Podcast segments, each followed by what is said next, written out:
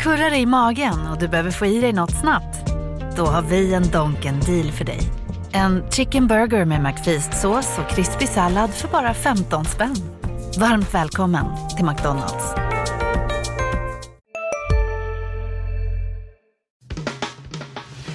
Analyspodden från Dagens Industri. Hej och välkommen till Analyspodden, Dagens Industris podd om börsen och aktier. Idag är det jag, Agneta Jönsson och kollegan Mikael Olsson som är i studion. Som vanligt ska vi prata om vad som händer på börsen och annat viktigt och vi bjuder alltid på några case också. Det är fredag och klockan är strax halv elva. Vad tycker du vi ska prata om idag Mikael?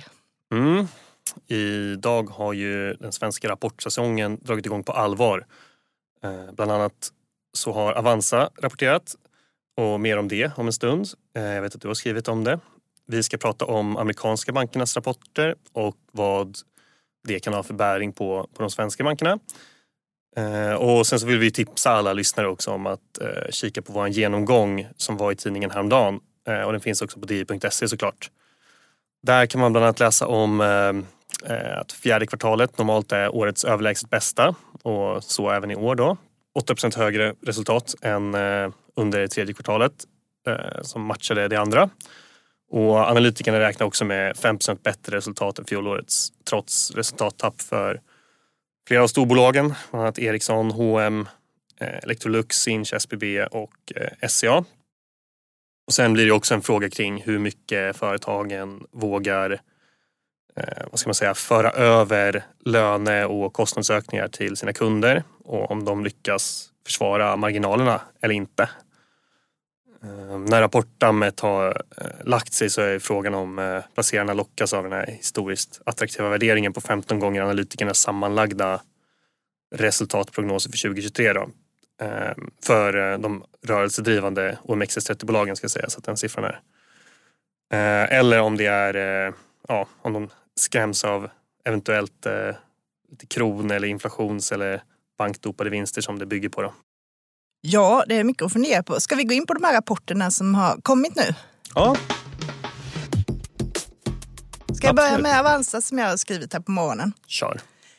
De kom ju faktiskt in 10 procent bättre än väntat på nettovinsten som blev då 494 miljoner.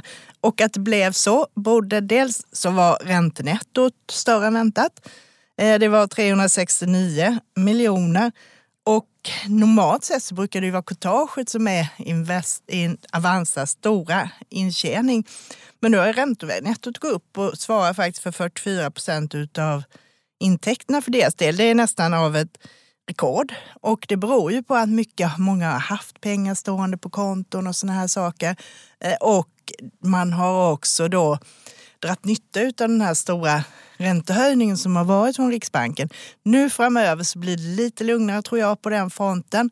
Dels så blir det konkurrens, pengar kommer att flytta. Dels är det konkurrens om sparpengarna och ränteinlåning. Men det är också obligationsfonder och sådant.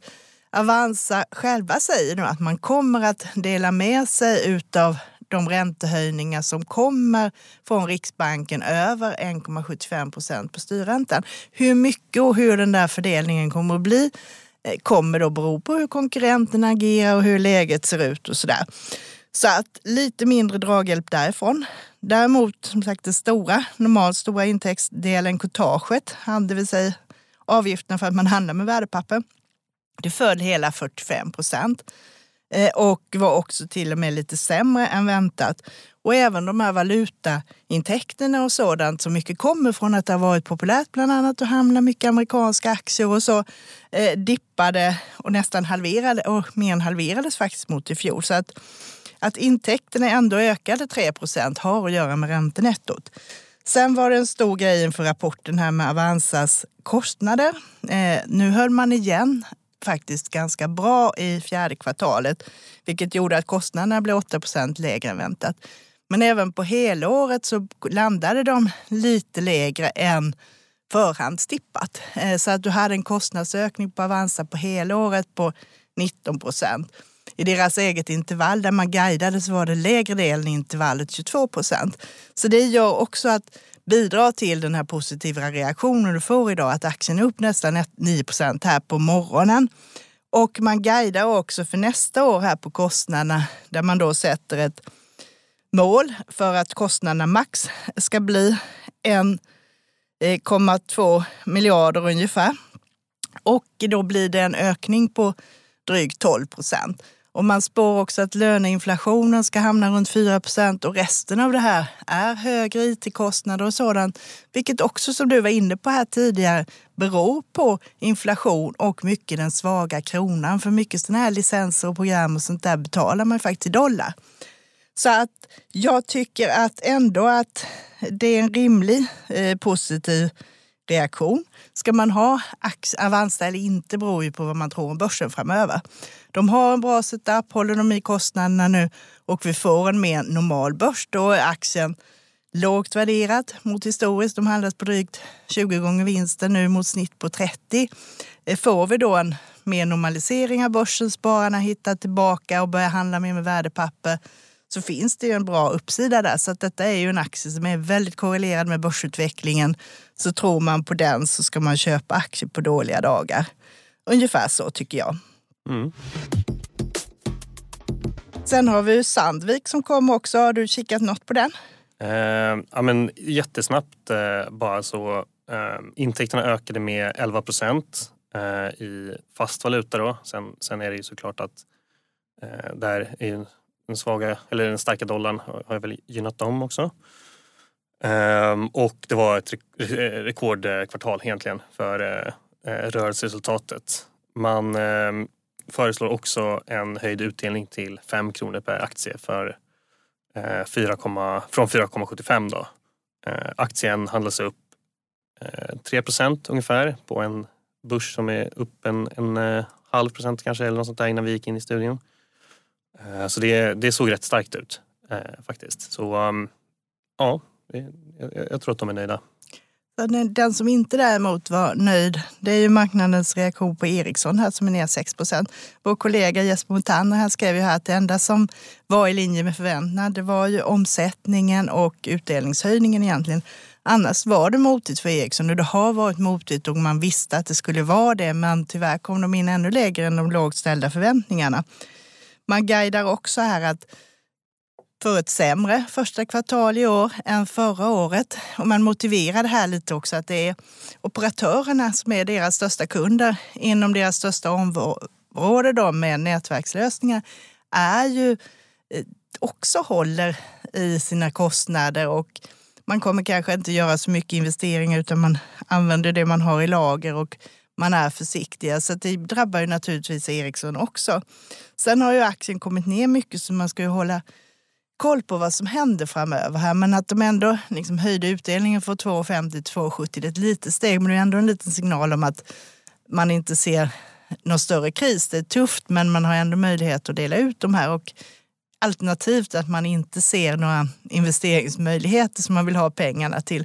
Vilket kanske kan vara lite bra eftersom de köp som har gjorts på senare och kanske inte applåderats sådär jättemycket. Men tråkig reaktion men aktien är väldigt nedtryckt så att det är väl någonting man kan hålla koll på framöver.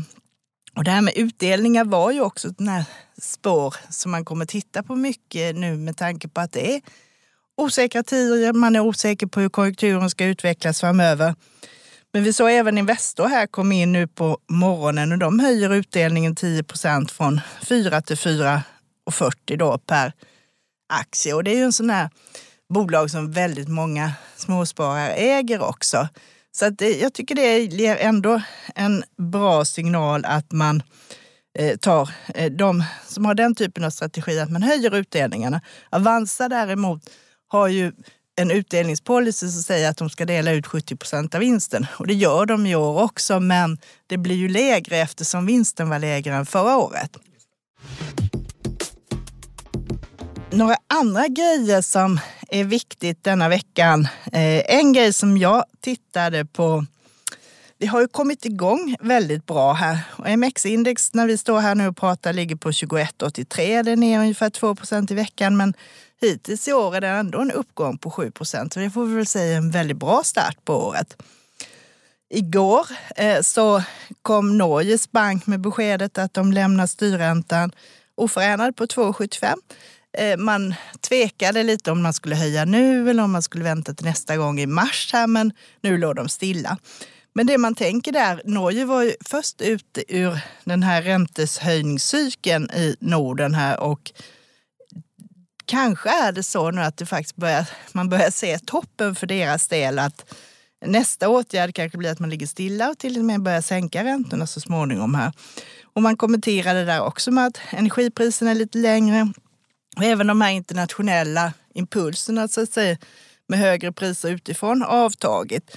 Men sen säger de ju att osäkerheten är större än normalt. Mm. Ja, men det, det är verkligen eh, ett speciellt läge där med, med centralbankerna som har eh, ja, men, åtminstone satt stämningen på, på aktiemarknaden och, och såklart på finansmarknaderna eller överlag de senaste åren. Eh, det blir ju intressant att se om ifall de ligger kvar på den här höga nivån då kanske det blir en sån lite mjuklandning men man, jag tycker nästan man ska tolka att om de börjar sänka då, då är det väl kanske att de har tron då att inflationen ska ner väldigt mycket. Ja, och eller att vi får, tyvärr får, kommer in i en betydligt sämre konjunktur så att man behöver stimulera helt enkelt igen. Ja, men precis. Då, då blir det ju, om, om de sänker så, så, skulle det kunna vara ett tecken på att det är en lite hårdare landning eller vad man ska kalla det. Precis, och det hoppas vi ju inte på här. Så att man hoppas ju att det här ska bli lite lagom mild lågkonjunktur och att räntehöjningarna planar ut så att säga. Ja. Och lite så kanske man hoppas på i USA också. Jag tittade på de amerikanska storbankerna, de här sex största, som har rapporterat nu här slutet av förra veckan och början av denna. Eh, och utav de här sex så fick vi positiva kursreaktioner på ganska ljumma rapporter faktiskt på fem stycken. Det var bara investmentbanken Goldman Sachs aktiekurs som föll på rapportdagen. Men å andra sidan var det väldigt svag rapport. Vinsterna minskade hela 70 procent mot i fjolåret fjärde kvartal. Då. Men den som är intressantast är ju egentligen den allra största, JP Morgan. De är ju typ tio gånger så stora som Nordea i börsvärde. Så det är en gigantisk spelare.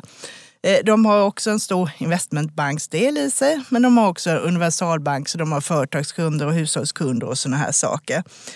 Eh, där hade vi ju precis som vi väntar hos våra banker här, en kraftig ökning av räntenettot. Det ökade 47 procent eh, på årsbasis. Och det svarar ungefär för 58 procent av totala intäkter. De är lite som vår SEB så att säga vad det gäller eh, konstruktionen med stora företag och sådant här. Eh, vi har också eh, sett i deras kommentarer apropå det där med räntenettot så var det lite speciellt i USA. Eh, de gick ju in i 2022 med rekordhög inlåning därför att många lät ju sina pengar som man fick då från staten under pandemin stå kvar på kontona. Så att de såg uttag på 4% under året. Och ändå hade du den här stora ökningen på grund av då högre marknadsräntor. Samtidigt ökade utlåningen 6% vilket inte är jättehögt. Och framöver här så guidar man lite för att man tror att man själv måste höja räntorna till kunderna för att få behålla inlåning. Det är lite samma situation som vi har här. Och där tror man att deras egen räntekostnad då får öka från 1 till 2 eh, procent genom att de behöver ge lite mer till kunderna. Samtidigt så tror man att totalt kan räntenettot öka 9 procent under 2023 här. Så att det, det var lite bättre. De har också varit, deras vd Jamie Dimon var väldigt negativ till konjunkturen i höstas. Nu är man lite mer mildare vad det gäller det också. Så att det drog väl med sig lite övriga upp också faktiskt den här synen på det. Men mm. däremot är det en röd tråd i det hela att eh, investmentbanksdelarna, vill säga värdepappershandel, företagsaffärer, emissioner, rådgivning till företag sådant, det har backat kraftigt. Och det är väl ungefär vad man väntar sig här för våra svenska banker också, att vi ser kraftigt ökande räntenetto i storleksordningen där också i snitt runt 40 procent. Och sen har vi då eh, intäkter från övrigt då, provisioner och sådant som eh, kommer att ligga på eh, minus förmodligen här. Så att eh, min gissning är att man kanske får lite samma reaktioner här lite lättnad på rapporten om de faktiskt kommer in som förväntat eller marginellt sämre. Det som skiljer lite från amerikanska bankerna är ju att vi har den här stora exponeringen mot fastigheter eh, hos våra. Och så där kommer det vara väldigt mycket prat om det fortfarande och vad man tror om fastighetsmarknaden och sådär. Så att det blir något att hålla eh, koll på. Är det något som, spaning som du har med dig från veckan här? Mm, ja, men jag har kikat lite grann på eh, spelmarknaden, kanske lite grann mobilspelsmarknaden. Eh, och lite, öv, liksom, lite spaningar överlag kanske. Så jag ska börja med att säga att det kom ett bud på finska mobilspelsbolaget Rovio. Som, är det de här Angry Birds det här? Det stämmer bra det. Um, och eh, det, det, är faktiskt det är kul att du säger det för det är lite av min eh, poäng också. Att det här med Angry Birds kanske känns som ett mobilspel som ja, det var hett för, jag vet inte, 10-12 år sedan eller vad det nu kan vara. Um, men varumärket är fortfarande superstarkt. Uh, alla känner till det i princip och man kanske inte vet någon som spelar det men, men uh, det är ändå ett starkt varumärke. Men de kom väl till och med med godis och såna här grejer med de här fåglarna? Liksom. Gjort filmer och, och eh, det, fin, det, finns allt möjligt som, som man kan ha nytta av med, med de här digitala varumärkena. och när vi har tittat på dem som har, eh, de bolagen som har köpts ut tidigare. Nu, nu har ju inte Rovio köpts ut utan det har kommit ett bud. Då. Men eh, vi har sett att ett annat finskt bolag som heter Next Games köptes ut eh, av eh, Netflix, tror jag det var. Eh, Play Magnus som är ett norskt bolag som håller på med schackspel köptes också ut för inte alls så länge sedan. Och i, eh, ja, på andra sidan Atlanten då så, så försöker Microsoft köpa upp eh, Activision Blizzard som har flera jättestora titlar. Eh, samtidigt så har vi sett i Sverige att en del av de här mobilspelsbolagen har haft ett tufft år och de ser väldigt billiga ut på, på pappret, speciellt bakåtblickande. Och frågan är om det är så att det kanske kommer vara lite tuffare framöver då så att det, det ser billigt ut just nu helt enkelt. Det skulle kunna vara så. Men um, oavsett så, så um, kan man säga att det verkar finnas ett värde i att ha etablerade varumärken, stora spel som man kan göra eh, remakes på eller nya uppdateringar. Eh, där finns det ett värde som i alla fall mark... Har du också valt att bli egen? Då är det viktigt att skaffa en bra företagsförsäkring. Hos oss är alla småföretag stora och inga frågor för små. Swedeas företagsförsäkring är anpassad för mindre företag och täcker även sånt som din hemförsäkring inte täcker. Gå in på swedea.se företag och jämför själv.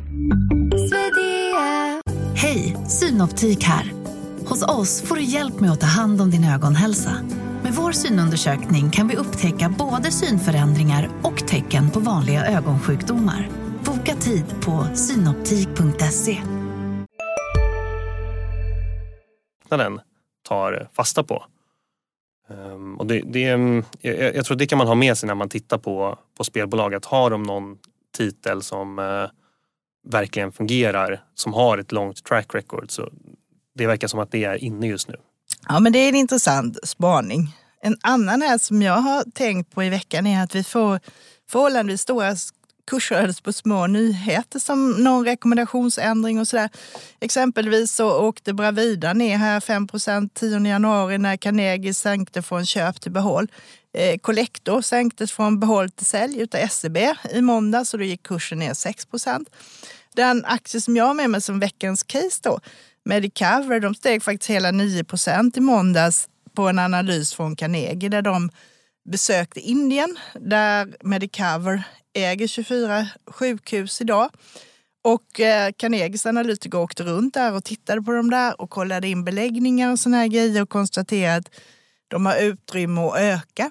Plus att de gillade det där att när Medicover går in i Indien så behåller man tidigare ägare och ledning och sånt i bolagen som driver det, vilket gör att man har en garanti att det sköts.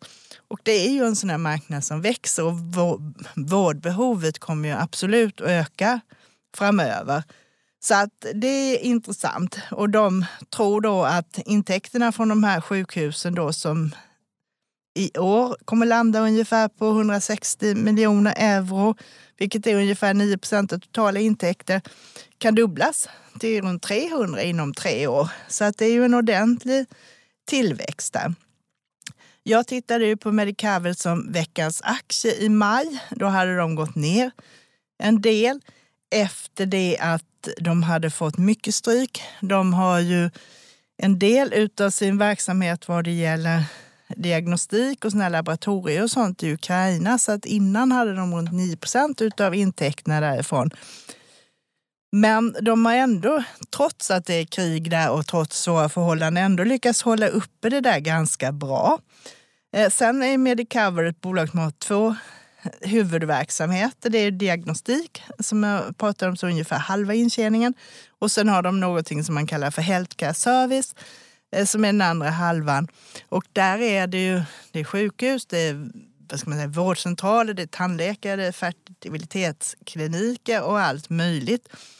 En del av det här betalas då eh, ungefär hälften utav arbetsgivaren, typ företagshälsovård. Liksom.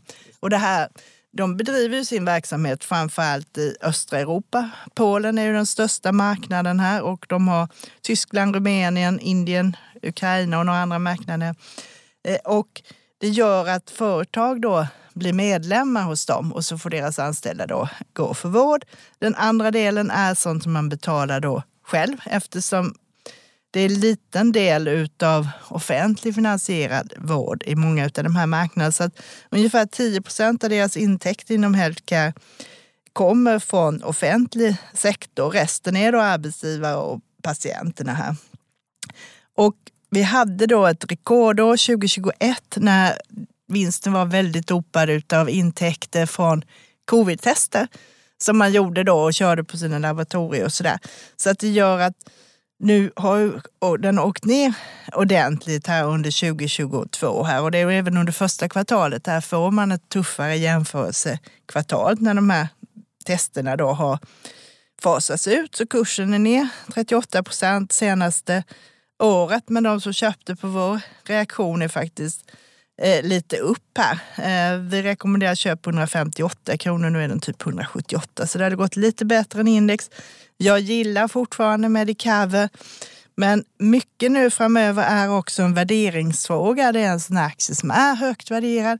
Du har ett P tal på runt 50 eh, och eh, man har också haft en väldigt hög tillväxt. Eh, sedan 2006 har tillväxten i snitt legat på 22 procent per år. Det som man har lite motigt här också, man kan tänka på, det är hur man kan lyckas med lönekostnader och sånt där, att få tag i personal och sen har man då en löneinflation eh, inom sjukvårdspersonalen också här. Så det är ett litet osäkerhetsmoment här. Så jag gillar dem, men jag tycker de är långsiktigt intressanta och man kan köpa på rekylen. Men nu kanske man inte ska kasta sig in när de har kommit upp så här mycket inför årsskiftet. Så snarare titta lite åt andra hållet här, att kanske vara lite försiktig just nu. Mm. Du hade också med dig ett case här. Jajamensan, vi fortsätter på temat hälsovård. Ehm, det bolag som jag har kikat lite på heter Cellavision. Eh, Cellavision säger en del. Eh, det här är ett bolag som sysslar med blodanalys eh, digitalt. Det vill säga att när man tar ett blodprov så analyserar man det här blodprovet i en manik som kallas för en cellräknare och det är det som är Cellavisions produkt. Då. Så det här är ett medicinteknikbolag. Det tas väldigt många blodprover varje dag Eh, och ungefär var sjunde behöver analyseras. Och eh, tre fjärdedelar av det här analyseras manuellt och resten digitalt. Ehm, Cellavision dominerar den digitala marknaden. Eh, det saknas väl inte konkurrens kanske men de är solklara marknadsledare och det finns ingen som är i närheten utan de, de har nästan de, de här eh, tre fjärdedelarna. Och man säljer sina produkter via Eh, globala distributörer, alltså väldigt stora, typ Siemens och Abbott. Eh, och man säljer det till, till eh, stora laboratorier då framför allt. Eh, det här bolaget har fallit ungefär 50 procent kursmässigt från toppen 2021 Eh, kanske lite mer om man tittar från absoluta topp, toppnivåer som jag tror var kring 500 kronor men jag vet inte om det var, det var över dagen nästan kanske. Ehm, man satsar på flera olika, alltså man har ganska många tillväxtben i, i det här. Ehm, dels så försöker man jobba mot mindre labb. Hela digitaliseringstrenden överlag, att, att automatisera och göra saker i systematiskt, på ett systematiskt sätt är någonting som de försöker liksom ta vara på. Och enligt mig så är det här ett kvalitetsbolag. De har en relativt stor del återkommande intäkter och eh, de här systemen behöver bytas ut med jämna mellanrum. De kanske håller i ett decennium eller så. Så eh, det, det finns eh, goda möjligheter att eh, växa och det är miljardmarknader i, i, i kronor mätt då, eh, som, de, som de befinner sig i med sina olika, liksom, det är inom samma eh, område men lite olika kunder kan man säga. Och lite olika segment. En utmaning för bolaget är Asien. Där var senaste kvartalsrapporten väldigt dålig och kursen sjönk eh, kraftigt. Jag tror att det var ner närmare 30 procent med ja, ungefär. Och eh, om man antar att bolaget växer kring 10 procent de kommande åren och att rörelsemarginalen sjunker några procentenheter från de senaste årens snitt. Om, om, om man tar några, jag vet inte, 6, 7, 8 års eh, eh lägsta nivåer så kanske nedsidan är 20 procent eh, om man sätter en lite lägre multipel då. Eh, om, om man, ja, kanske 20 gånger rörelseresultatet då. Och då, då kan man jämföra det med vad det har varit de senaste åren men det är nog inte rimligt att säga att om det ska handlas till 40 gånger rörelseresultatet. Det är en, det är en annorlunda miljö nu och då, då var det kanske för, helt enkelt för dyrt. Men 20 gånger rörelseresultatet, det, det tycker jag man kan betala för ett bolag som växer ungefär 15 procent per år. Eh, som har rörelsemarginaler kring 25-30 procent historiskt och som är en superdominant spelare på, på, på en marknad. Eh, men, det, är, det är då nedsidan då, som säger 20-25 procent härifrån. Och det är klart att det, det, kan absolut bli värre men, men det är mitt, eh, mitt dåliga scenario.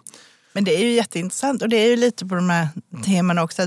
De har ju också värderat ner på grund av det här nu med ränteuppgången. Så är det eh, Så de har fått stryk på grund av det. Och har, de har kommit lite i glömska också efter att ha varit superhett i flera år tidigare. Mm. Så jag tycker också det är en sån här som är intressant att jag, kolla på nu. Jag, ska säga också att eh, det, här är för nästa års siffror, 2024. Och eh, är man lite mer optimistisk kring antagandena så tror jag att aktien kanske kan gå upp 40 procent. Eh, men då måste tillväxten vara drygt 15 procent, vilket också är deras mål och, och där de har legat historiskt. Eh, och då ska marginalerna kanske upp lite från, från nuvarande nivå och ja, även multipeln blir lite högre i, i det scenariot. Men jag, jag, tror att både på medellång sikt, så ett, ett år eller två och framförallt på lång sikt så kan det här vara ett bra ingångsläge om man känner att man vill ha lite medicinteknikexponering ja, vi, vi, vi, har ju veckans aktie som vi alltid brukar köra. Du har ju skrivit det. Agneta, kan, kan du inte berätta lite? Ja, det är också en sån här högt värderat bolag. Mycket av de här bygger ju på att jag tror kanske nu att räntorna börjar toppa. Vi behöver inte bli så dramatiskt lågkonjunktur. Man börjar titta lite på intressanta tillväxtbolag. Och då har vi ett bolag som verkligen var en stor vinnare under Eh, pandemin. Aktien gick som tåget och nu har den eh, kommit ner en hel del. Och det är Lycko som är då ett snabbväxande skönhetsbolag säger man med 87 procent av försäljningen online. I snitt har de haft en försäljningstillväxt på 27 procent per år under de här åren 2017-2021 med en ordentlig peak där 2021. Nu för 2022 var ett dåligt år för dem där vinsten minskade från eh, 3,10 till 1,90 kronor per aktie. På grund, mycket på grund av att man har lagt ner mycket mer pengar på marknadsföring än tidigare. Och det hänger också ihop med att eh, när man säljer på nätet så måste man driva trafik. Och eh, både då Google och Facebook eh, vars bolag då, huvudbolaget Meta, in, ändrade sina algoritmer i slutet utav 2021.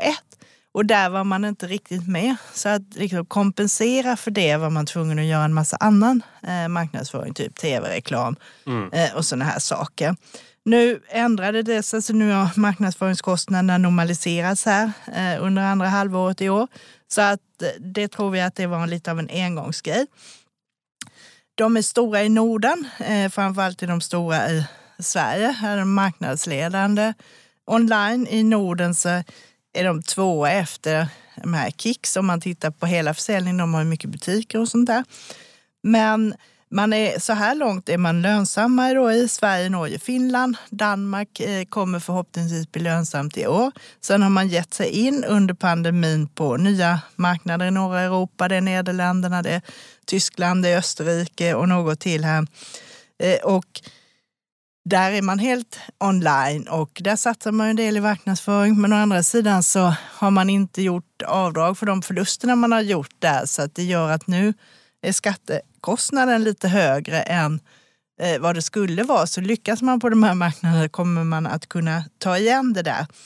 Eh, och eh, i år tror vi då blir sämre tider så kan man gynnas av det här som brukar kallas för läppstiftseffekten. Det vill säga att istället för att man köper kanske ny, en ny klänning eller nya smycken eller något som är dyrare så köper man lite såna här skönhetsprodukter som läppstift och sånt för att ändå pigga upp sig lite. Vilket eh, historiskt sett har det funkat så i dåliga tider. Mm. Så det tror jag ändå att man kanske kan få en tillväxt på 11 procent i år. Det som kan slå emot så att säga, det är att marginalerna kan bli sämre om människor så att säga trejdar ner istället för att köpa de dyra premievarumärkena kanske man köper lite billigare grejer och det gör att man måste sälja fler då för att nå samma lönsamhet. Men jag tycker ändå det ser intressant ut. Eh, vi tror på en vinst på 4 kronor per aktie i år. Det ger en värdering på ett P tal på 49 och det ligger ungefär där på femårssnittet. Däremot har värderingen av försäljningskronorna kommit ner. Nu ligger det på runt 1 och där har historiskt legat på price sales på 1,8. Så tittar man på det så finns det potential. Eh, och, eh, men det är ju också en hög risk i det här eh, naturligtvis. Men jag tycker också det är ett spännande case. Det är ett bolag som jag tittat på länge och nu känns det som att ändå man har lite fast mark under fötterna på att våga gå in och rekommendera. Mm. Ska vi gå över till vad som händer nästa vecka istället? Ja, absolut. Hela nästa vecka är det ju faktiskt stängt på börsen i Kina. De har ju det här kinesiska nyåret. Och för vår del kan det väl vara lite skönt. Då kan vi räkna med att det kommer inga dåliga nyheter därifrån utan vi kan fokusera fullt ut på våra rapporter som kommer in en hel del nästa vecka också. Ja, äntligen är rapportperioden igång. Ja men det är väl skönt. Eh, då kan man gå över på det istället för att titta på makro. och på tisdag får vi den här avknoppningen från Sandvik, det här Aleima som kom till börsen förra hösten. Eh, och Eh, det blir intressant att se hur de har klarat sig här i den här röran med fallande kronor och stålpriser som har rört sig eh, både upp och sedan neråt. Och eh, vi har då inköpschefsindex från EMU-länderna och USA, vilket man tittar på ur konjunkturhänseende. Och sen kommer både Swedbank och SEB med sina konjunkturprognoser också, vilket kan vara intressant att se här. Eh, vi har på onsdagen så kommer det svenska producentpriser och vi får också det här tyska IFO-index där man då, som är en viktig temperaturmätare på klimatet i tysk industri. Mm. Sen eh, drar det igång. Jajamensan. Nej, men på, på torsdag så kommer ju en hel del storbolag med rapporter. Bland annat SEB, Essity, Intrum, Volvo och Telia. Sen eh, Atlas Copco kommer eh, mitt på dagen där. Nokia också. Ehm, och på fredag så kommer H&M, Cloetta, eh, Trelleborg, Hemnet, Autoliv, eh, SSAB också. Och sen kommer lite utlåningssiffror för december då från eh, SCB. Det tycker jag är intressant för att de kommer ju varje månad med månadsstatistik både vad det gäller utlåningen till bolån, hur tillväxten har varit där och där har det liksom, det toppade i februari förra året och sen har det gått neråt. Och det har man ju lite bäring på när man tittar på bankernas då, hur de har skött sig på bolånesidan. Och sen har du andra konsumentlån men också företagsutlåningen, vilket då förra året var väldigt, växte väldigt kraftigt. Det var som högst tror jag det var uppe i 16 procent och sen låg det runt, men det har varit tvåsiffrigt eh, hela vägen. Så den är intressant att se och den kommer jag ju titta på då eh, eftersom jag kollar på bankerna. Så mm. det är väl det som vi har att göra nästa vecka. Jajamensan. Eh, jag, jag inser också, det är konjunkturbarometer på, på torsdag också. Det nämnde jag kanske inte. Yes, ska vi ta och runda av där? Ja, men det tycker jag. Eh, Mm. Vi ska tipsa om, om våra andra poddar också. Eh, ni får gärna spana in Makrorådet, Digitalpodden, Smarta pengar, Morgonkoll och eh, såklart också DIs ledarpodd. Och stort tack för att ni lyssnade på oss idag också. Hej då! Tack och hej! Analyspodden från Dagens Industri. Programmet redigerades av Umami Produktion. Ansvarig utgivare Peter Fellman.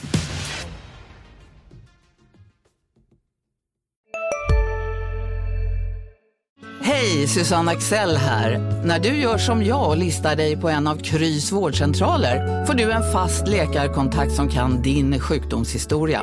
Du får träffa erfarna specialister, tillgång till lättakuten och så kan du chatta med vårdpersonalen.